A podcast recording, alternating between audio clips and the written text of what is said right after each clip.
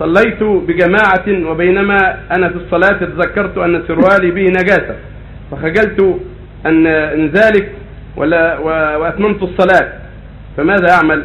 هل يعيد نفس الصلاة أو أعيدها أيضا؟ إذا صلى إذا صلى الإنسان ثم ذكر في نفس الصلاة أن ثوبه فيه نجاسة أو سراويل فيها نجاسة فليخلع إن كان على ثوب ثاني إذا كان الثوب رفيع عالي تحت الثوب سافر يخلع الثوب الفوقي أو السروال يخلعه وصلاته يستمر فيها فإن استمر في الثوب اللي في نجاسة أو السروال في نجاسة يعيدها ولا يجوز لها يعيد الصلاة. إذا درى عن النجاسة هو في الصلاة. أما لو ما درى إلا بعد الصلاة ما الصلاة صحيحة.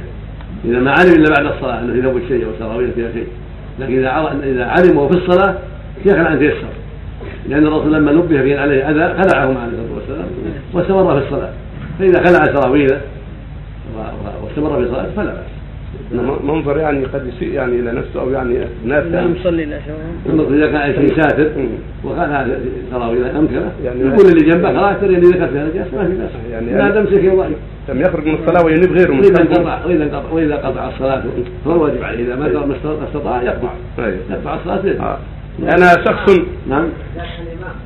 الإمام كذلك يقطع الصلاة ويقدم واحد من يصلي يقدم واحد يكمل بهم واحد يستخلفه ويكمل بهم منهم ويروحوا.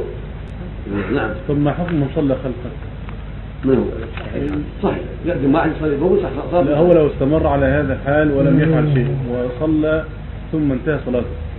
ولو ذكر أنه على غير وضوء أو أو في نجاسة نعم. وتمم نعم. كلام بعض العلم يرى أنهم يعيدون وأن الصلاه تنقص كلهم لكن فيه نظر لأن نجيب عليه في الجمعه الاتيه يجيب عليه بعض خلاف بين أهل العلم.